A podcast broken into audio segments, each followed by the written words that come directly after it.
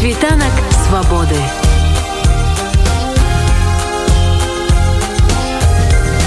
Спіць вольнасці.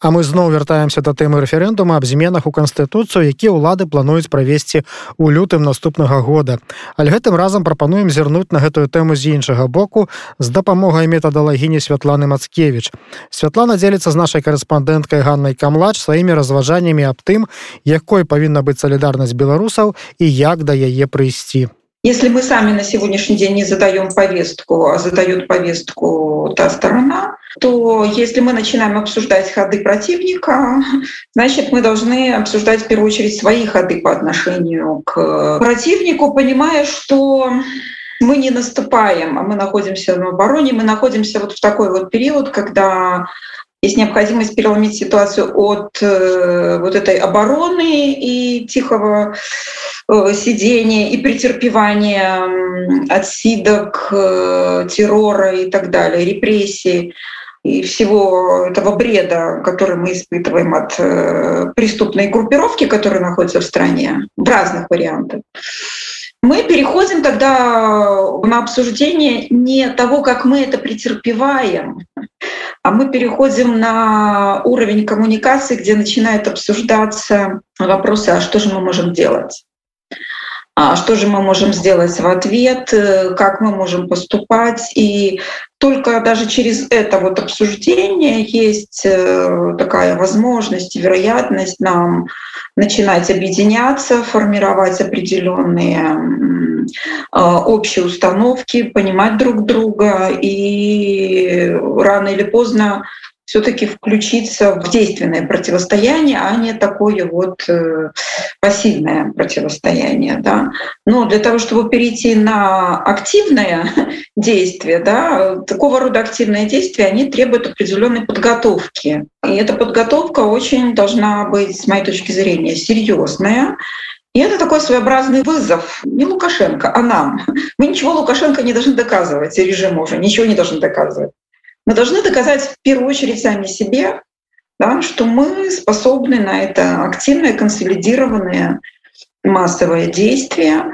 И обсуждение, каким оно должно быть, его, в общем-то, уже давно пора было начинать. Важен сам процесс, что мы должны его начинать. Обсуждать не столько референдум, потому что референдум — это такой повод. Да? Это не само мероприятие, что такое референдум, да? а это всего лишь повод для нашей консолидации, объединения для перелома повестки в наступление. Да? То есть важнее даже скорее не сам референдум, а что мы делаем потом или до этого референдума. Да? А, то есть какая серия действий, потому что уже понятно, что за одно действие мы не сможем победить и переломить ситуацию. Да? А это должна быть серия определенных действий до референдума, в сам референдум, после референдума. Да?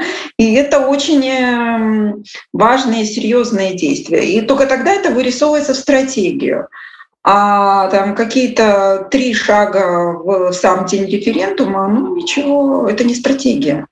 Это такая маленькая небольшая тактика, это всего лишь один шажок, который нас может или приблизить, или наоборот отдалить от перелома ситуации. Тут, мне кажется, такой вызов действительно перед всем э, протестным сообществом стоит, да, в том, чтобы мы начинали как-то вот нормально, профессионально кооперироваться хотя бы друг с другом, да, не ожидать, что лидеры за нас это там сделают. И даже видимая вот эта вот ситуация их объединения, она как-то не совсем приносит облегчения в этом моменте, да. Потому что вопрос все равно стоит э, в каждом из нас, с одной стороны, с другой стороны, как мы вместе какое действие осуществим все, да, насколько это действие будет массовым, насколько оно будет согласованным и насколько оно будет одновременным. Это три таких основных критерия, которые вот в этих рамках мы должны начинать формировать вот это вот э, действие э, свое согласованное, консолидированное. Чтобы его согласовать, как минимум надо, чтобы подключались и лидеры, и все активные участники, но как бы четко занимали свои позиции, понимаете? Вот. Лидеры — это лидеры, которые могут э, э, провозгласить определенный план, и э, граждане могут это услышать, понять и последовать за лидером. Да, на то они лидеры, чтобы за ними следовать. Вот. Но ну, тогда вопрос действительно упирается вот в это вот лидерство, с одной стороны, и как лидеры отрабатывают эту повестку ближайшую, да, этот план действий. Как минимум, мне кажется, те же лидеры при организации такого процесса, они должны настаивать на каком-то одном на данный момент плане, например, там план А, вот пойдем бюллетени там портим, а, должны выслушивать как минимум э, множество вот этих вот версий стратегических, должны подключать соответствующее аналитическое сообщество, которое может предлагать э, не только анализ ситуации, как вот у нас сейчас обстоят дела, как там общество в Беларуси себя чувствует, э, как оно настроено, на что оно, как оно может себя вести, но именно выстраивание вот этих стратегических линий разных версий. Да. Вот только если сейчас вот посмотреть на эти предложения возможные, какие есть, игровые, да, то только от аналитического сообщества уже сейчас выставляется несколько вариантов да, возможного разрешения ситуации. Да. Но, ну, например, там вариант там, интенсификации действий до референдума, как вот предлагает там Павел Усов, да, что вот если мы начинаем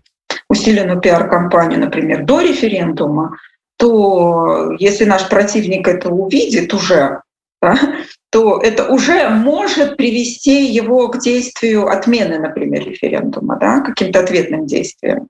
Это тоже надо рассматривать раз. Э, вариант бойкота. Я не понимаю, почему он сразу отменяется. Да? Надо разобраться, потому что многие э, субъекты э, организованные уже этот э, план как бы озвучили, тоже, что у них есть такой вариант бойкота. И почему тогда с другой стороны объединенных демсил к этому варианту относится несерьезно, а даже сразу так сливается в кавычках, да, это более чем странно. Его надо выслушивать, обсуждать, а не сразу как бы вешать ярлыки и приговаривать, что это неправильно. То есть должна быть рассмотрена вся игровая карта, все оценены возможные риски, и приниматься управленческое решение в условиях, так скажем, достаточной неопределенности, где может выскочить любой там черный лебедь и так далее. Вот. Поэтому э, это очень сложная процедура принятия управленческих решений на уровне позиции демсил. Да? И меня единственное, что в этой ситуации сейчас не устраивает, что демсилы не совсем так принимают решения по этому поводу. Да? Я могу, конечно, обсудить вариант которые они предлагают там по порче бюллетеней и все его недостатки. Но не важно даже там мое мнение по этому поводу, сколько важно, а услышат ли это лидеры сами, да? сами Демсилы, услышат ли это они, и смогут ли они откорректировать свои действия дальнейшие после этого. Потому что изначальные установки у них как бы верные и правильные. Да? То есть мы должны сейчас очень четко обозначить вот эти вот основные установки наших совместных действий. Первое да? То есть референдум должен быть сорван. Вот просто, понимаете, должен быть не бюллетени там какие-то, не, там, не обсуждаться сам даже бойкот, потому что это уже дело техники. Да? А, а зачем мы это делаем? Вот это надо обсуждать. Да. Мы это делаем для того, чтобы сорвать действия противника. Да? Сорвать не столько референдум, сколько сорвать замысел противника. Да, и вот это вот слово «срыв» он должно из всех как бы колоколов трубиться сейчас. Да? Мы, мы в этом в первую очередь должны объединиться с этой рамкой, как бы согласиться, да? что действия противника надо сбивать, сбивать и срывать. Другой вопрос — как? А это уже такая тяжелая организационная работа, серьезная, управленческая, где и включаются и аналитики, и стратегии, и разные штабы, и представители э, гражданского общества, да, и специалисты, и все. И только в такой консолидированном действии, не имитационном, а реальном, да, есть вероятность, что мы действительно эту повестку сможем там, переломить. Да? И это достаточно длительный процесс. Во-первых, мы сейчас находимся в ситуации, когда э, в публичном пространстве озвучено два плана. Первый план — это идем там, портим бюллетени, как-то там их подсчитываем, даем друг другу опять понять, что мы все разом и, и против. А, вот, и сколько нас, и там дальше начинается математика, подсчету голосов там, и так далее, разные инструменты этого. Да. Вот. Второй план э, — это план бойкота. Если обратиться даже к тем разработкам по поводу бойкота, который предлагал ранее там, Владимир Мацкевич еще до 2020 года, до основных как процессов политических, да, то, в принципе, это тоже серьезный план. Это не просто сидеть да? Это не просто сидеть по домам и ничего не делать. Да? Это тоже своеобразное проявление протеста, сопротивления. А, просто действительно встает вопрос, как э, вот такого рода пассивные действия, проявление вот этого вот э, неучастия в референдуме, да, можно а, из него дальше вылить в какой-то более продуктивный план. Да? Продуктивный план, когда э, мы можем действительно пойти в наступление. Но этот план должен тоже обсуждаться серьезно. Да? То есть есть план А и план Б. Беда в том состоит, что э, как мы говорим, съехали рамки у многих, да, и вот как только эти планы два были предложены, А и Б, начали обсуждать э, именно эти два плана. Да, хотя, мне кажется, и первый, и второй изначально неэффективны. И тот, и другой неэффективны. Но мы ввязались э, вот в эти очень странную сварку опять, да, по поводу того, а как же лучше. Вот. Вместо того, чтобы эм, положить один план, второй план, подумать, а может быть, есть еще и третий план, например, план С, да, который может э, объединить э, разные вот эти вот варианты действий, да, эффективных действий. Потому что задача вообще-то состоит, что действие должно быть эффективным, а не то, что мы должны согласиться с каким-то планом только потому, что мы вот с ним согласились. Нам недостаточно продемонстрировать единство выходом на марш или на площадь. Да? Мы должны сейчас другого типа единства демонстрировать. Это единство активность должна демонстрироваться в наших согласованных действиях. Поэтому вот вопрос согласования является первичным. Мы должны это единство отработать через согласование. Светанок свободы.